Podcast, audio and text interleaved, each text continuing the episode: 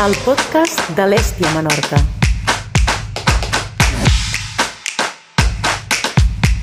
Salutacions, eh, benvinguts al podcast de l'Estia Menorca, el millor equip de bàsquet de Menorca, per tant, de Balears. Cinquè episodi i partit eh, que arriba aquest cap de setmana després d'una setmana de descans contra un rival complicat, com és el Guipúscoa, quart classificat de la l'Eport, tot d'una ens hi posàvem per analitzar aquest partit. Ho fem, com sempre, de la mà d'Adrià Quatrecases i la col·laboració de Gin Xuriguer. Adrià, com estàs? Salutacions. Molt bé, Axel Camarasa, la veritat és que molt bé, m'estic fent l'Alep Or a sobre, l'estic l'enyoro, tinc, tinc, tinc ansietat ja perquè torni a la competició.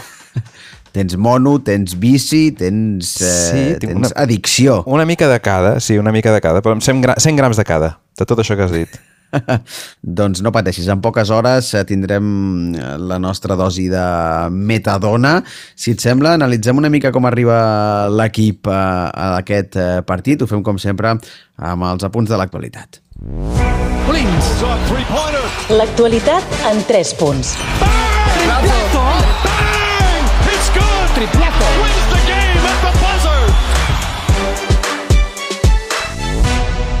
I una de les eh, notícies d'actualitat de les darreres hores afecta la plantilla de l'Estia Menorca. És una baixa, una absència, la del francès eh, Maxim Iomí, que s'ha desvinculat del club. Després d'un any i mig, eh, va arribar per ajudar l'equip en l'ascens de l'Aleport, va ser més protagonista, podem dir, l'any passat, però enguany el cert és que havia perdut aquest protagonista, protagonisme i que les seves aparicions eren pràcticament, eh, pràcticament testimonials, jugava molts pocs minuts, certament.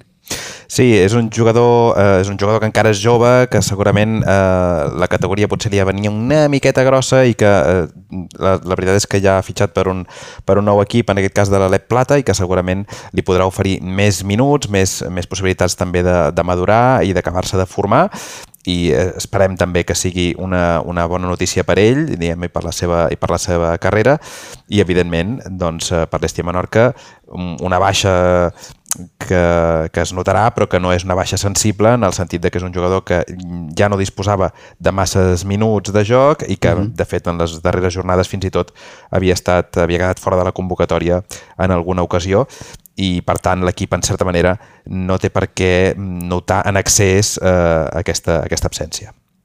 Ha fitxat pel Benicarló, com deies, de la Lep Plata, el balanç del eh, jove pivot eh, francès eh, per l'Èstia és de 51 partits disputats en aquest any i, any i mig i escaig, pràcticament 530 minuts en pista, en els quals ha sumat un total de 109 punts i ha agafat 179 rebots, la qual cosa deixa una valoració total de 181. Per tant, aquesta és la petjada, diguem, que deixa eh, Maxim Llomí eh, aquí a Menorca. Òbviament, li desitgem molta sort a, eh, en el futur.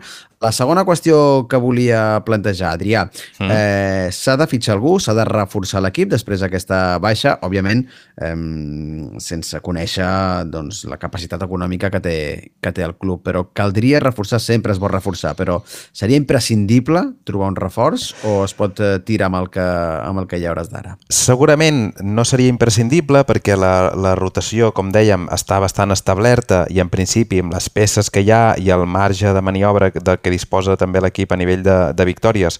Hauria de ser suficient per mantenir la categoria, però mai està de més un reforç i per mi idealment idealment hauria de ser un reforç que portés aquest punt d'experiència, és a dir, que fos un jugador una mica curtit, eh, si pot ser en, en, en la categoria, doncs millor que millor. Però també és veritat que aquestes alçades el mercat dona pel que dona i, eh, i queda el que queda eh, també queda el que queda a la caixa, engrunes. queden les engrunes i per tant tampoc eh, segurament no podem aspirar a, a triar el, allò que voldríem, no? És que al final si es es posa a tir algun jugador i s'hi ha de posar mm, aviat perquè és una, és una finestra de fitxatges que es tanca eh, aquest dia 1 de març suposo que en homenatge al, al Dia de les Illes Balears, i Per suposo, suposat. suposo que, ha anat a, que és per això, i eh, és el darrer dia que, que els equips de l'EP Or eh, poden fitxar jugadors i inscriure'ls per disputar el que queda de competició. Per tant, si això passa, ho sabrem de seguida, ho sabrem eh, ben ben aviat, i ho sabrem ja de cara al proper partit de diumenge. Queden poques hores perquè acabi el, aquesta finestra, aquest mercat de, de fitxatges. Mm, al mercat hi ha allò que trobes al súper quan fa tres dies seguits de temporal, a Menorca, però el cert és que tots els equips, eh, sobretot els eh, rivals directes de, de l'Esti en aquesta part mitja-baixa de la taula, s'han reforçat, per tant, també és de la zona alta, eh? però vull dir que a l'Aleport ja estava ben bastant moviment de, uh -huh. de jugadors i no sé fins a quin punt em sorprendria que l'Èstia no es reforcés. Eh, Sí, ja no perquè s'està reforçant, s'està reforçant eh, el que es coneix tècnicament com tot Cristo. S'està reforçant tot Cristo a la part baixa, a la part alta, fins i tot estudiantes, amb dos jugadors en les darreres setmanes. El, i, el, I, de fet, el mateix Guipúscoa, el, el rival del Menorca en a, aquesta jornada, s'ha reforçat també. Justament eh, aquestes setmanes ha fitxat, eh, o li ha arribat cedit, Pavel Savkov, que és un, un jugador alt i prim, molt jovenet, eh, però que, que té molt talent, que de fet ha estat jugant a, a Birmingham aquesta temporada, cedit per, eh, pel Bascònia i que ara arriba eh, cedit a, a Guipúscoa després de que, de que no li hagi anat també a Anglaterra, que és un, és un jugador format a la, a la pedrera del Barça i que realment eh, és un reforç interessant.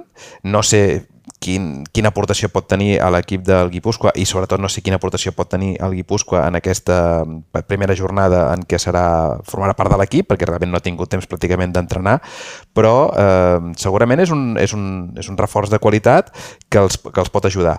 Per tant, eh, el Menorca jo crec que s'hauria d'espavilar i si, i si sorgeix l'ocasió i si no, escolta'm, és moment de recórrer a la jugada mestra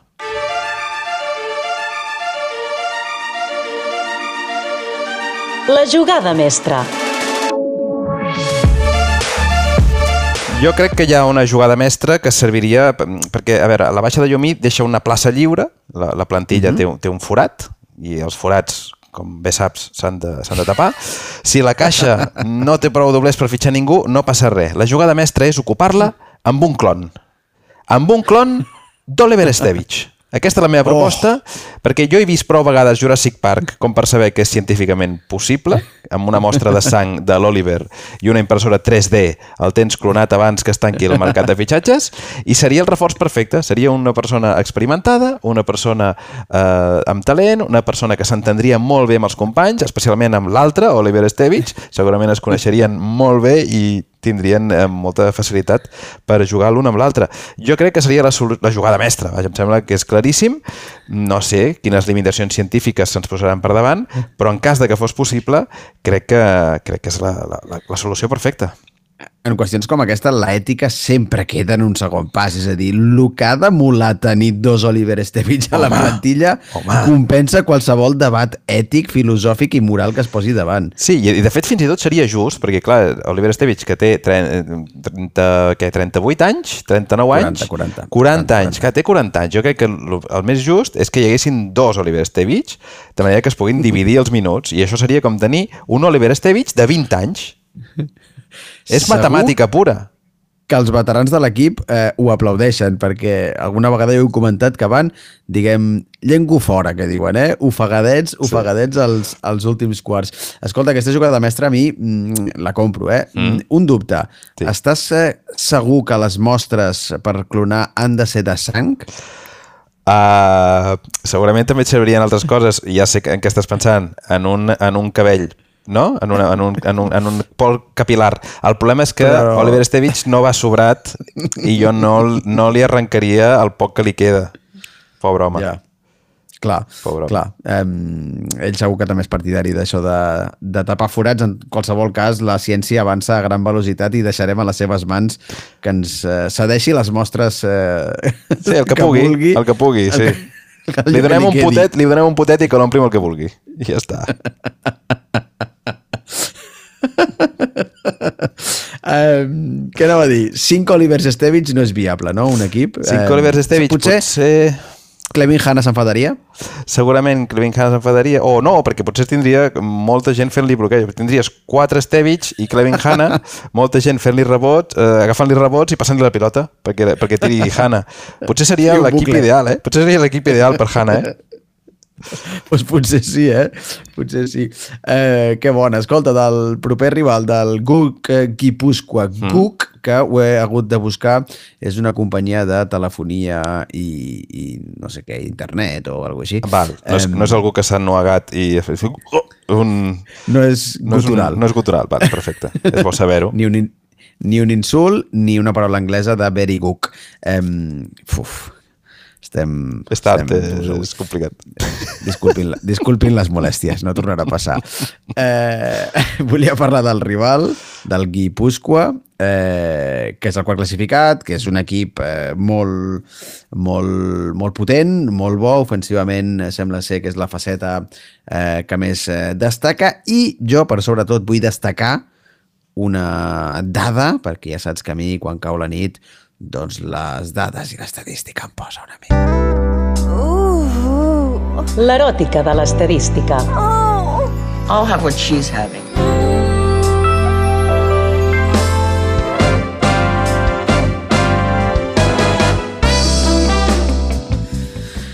Deixa'm buscar l'estadística un moment perquè ara mateix uh, l'he perdut, però ja la tinc aquí. No, no era aquí, no era aquí. Um, uh, sí, si vols, te'n era... dic una jo, eh? En tens una tu també? Jo en tinc una, és que eh? Com. És que clar, és tu ja ho has dit, de que el, ser- el punt fort de, de, del Guipúscoa és el seu joc ofensiu i el seu joc ofensiu té dos punters, do- dos puntals, dos, eh, bé, dos, mm, dos pilars, dos pilars ofensius eh, essencials. tapar forats. Per tapar forats. Un és Ivan Aurrecoechea. Ivan Arre... Au, bé, ho he dit a la vegada, no ho diré dues vegades. Ens quedem amb la primera. L'Ivan, el bo de l'Ivan, és el segon l'Ivan. màxim rebotejador de la Lliga.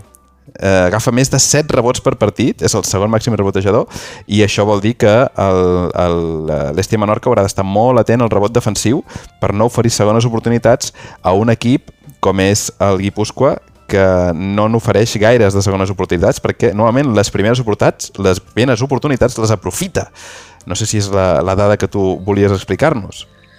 Jo volia destacar que és l'equip que té un major encert en els tirs de camp, major percentatge d'encert en els tirs de camp. Els tirs de camp, Més que és la- la suma dels tirs de dos i els tirs de tres. Per si algú Correcte. no ho tenia clar. És a dir, un tir de camp no suma 5 punts, eh? No, no suma no. 2 més 3. És a dir, que si tires, si tires un tir de dos o un tir des de fora la línia de, de triple, es consideren tirs de camp, ja està. Clar, clar, és que, és que m'agrada tant l'estadística, és per aquestes coses que m'agrada l'estadística.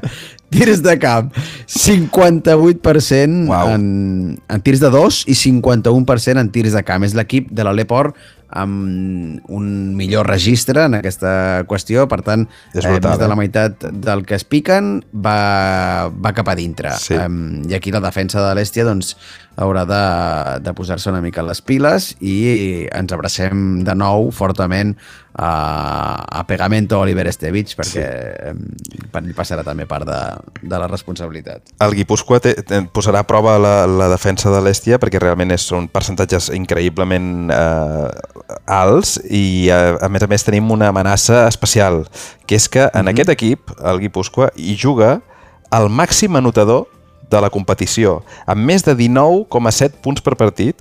Alexander Barcelo, que és un eh, nord-americà, amb uns tants, tants percents d'encert tant de 2 com de 3, eh, que són un escàndol, és el jugador amb millor valoració de tota la Lliga, de tota la l'Eport, amb més de 23 punts de valoració per partit, i és una diferència, té una, hi ha una diferència de tros amb el segon, una diferència abismal, perquè el segon té 18 punts de valoració de mitjana. És, un, és realment una de les grans estrelles de la, de la competició, però, però, per no veure sempre el got mig, mig buit, eh, quedem-nos amb la part positiva, que és que Barcelo, per poder fer tants punts, eh, ha de tirar molt, ha d'assumir molt protagonisme en atac. I això també fa que sigui el jugador que més pilotes perd de tota la lliga, més de dues pilotes i mitja perdudes per partit, i el quart que més taps rep. Gairebé mig tap per partit es menja. Per tant, que sí, que ens, podem, ens pot eclipsar molt la cosa de que, ui, sí, és el tio que més punts fa i ho enxufarà de tots colors i ens la clavarà a totes bandes. Però també algun tap li farem. Qui no es consola és perquè no vol. Exactament. Jo crec que potser part del secret pot passar per... Eh, per desconcentrar-lo, per, per fer-lo fora, vull dir, menjar-li l'orella molt, fer molt trash talking, Mm. I, i perquè té pinta que és això, quan té el dia el canell finet eh, tot va cap a dintre, però potser el dia que està una mica més despistat té algunes pèrdues, es menja algun tap, no sé mm. si ets partidari del trash talking, perquè Soc- jo ho soc moltíssim. Sí, molt partidari, molt partidari. El que passa és que també s'ha de vigilar, perquè el trash talking has de saber a, a, a qui el dirigeixes. I jo no sé, l'Alexander, el bo de l'Alexander no el conec prou, com per saber de quina manera encaixa el trash talking. Però si tu et poses a provocar-lo, a, a xinxar-lo... Encara el piques, no? pots encara el picar. piques i és de rotllo, no, no, és que igual encara el tio s'emprenya i encara mm, te la, te, la, te la clava per partida doble. Llavors eh, s'ha Ja. d'anar alerta, s'ha d'anar alerta amb qui, amb, a qui provoques, has de, has has de vigilar. Si no, sempre ens quedaran els colzes eh, com, a últim, com a últim recurs. Escolta, Adrià, eh, partit complicat, eh, el mirarem de viure el, des de Pintaufa, des del pavelló, torna a la competició, ens mirarem de treure el mono, consumirem la nostra matadona en forma de pilota taronja i ho comentarem la setmana que ve, si et sembla. Sí senyor, eh, Axel, ho, ho gaudirem perquè crec que també és una bona ocasió perquè la gent vagi a Vintaufa, assisteixi al partit i vegi en directe doncs, justament no? jugadors d'aquest nivell, equips tan bons, eh, fins i tot veure, veure aquest personatge que acabem de comentar, aquest Barcelo, és una, és una ocasió que, que jo crec que, que s'ho val i per tant animem a la gent a, a, omplir, a omplir el pavelló i efectivament nosaltres eh, la setmana vinent ho comentarem amb el rigor que ens caracteritza. Doncs... Eh... Fins aquí el cinquè episodi del podcast de l'Estia de Menorca. Adrià, amb, amb l'himne de Menorca, posem el eh, L'himne no oficial, l'himne no oficial. L'himne oficiós. Eh, posem el punt final, ens retrobem la setmana que ve, com sempre. Que visqui l'Estia. Que visca l'Èstia!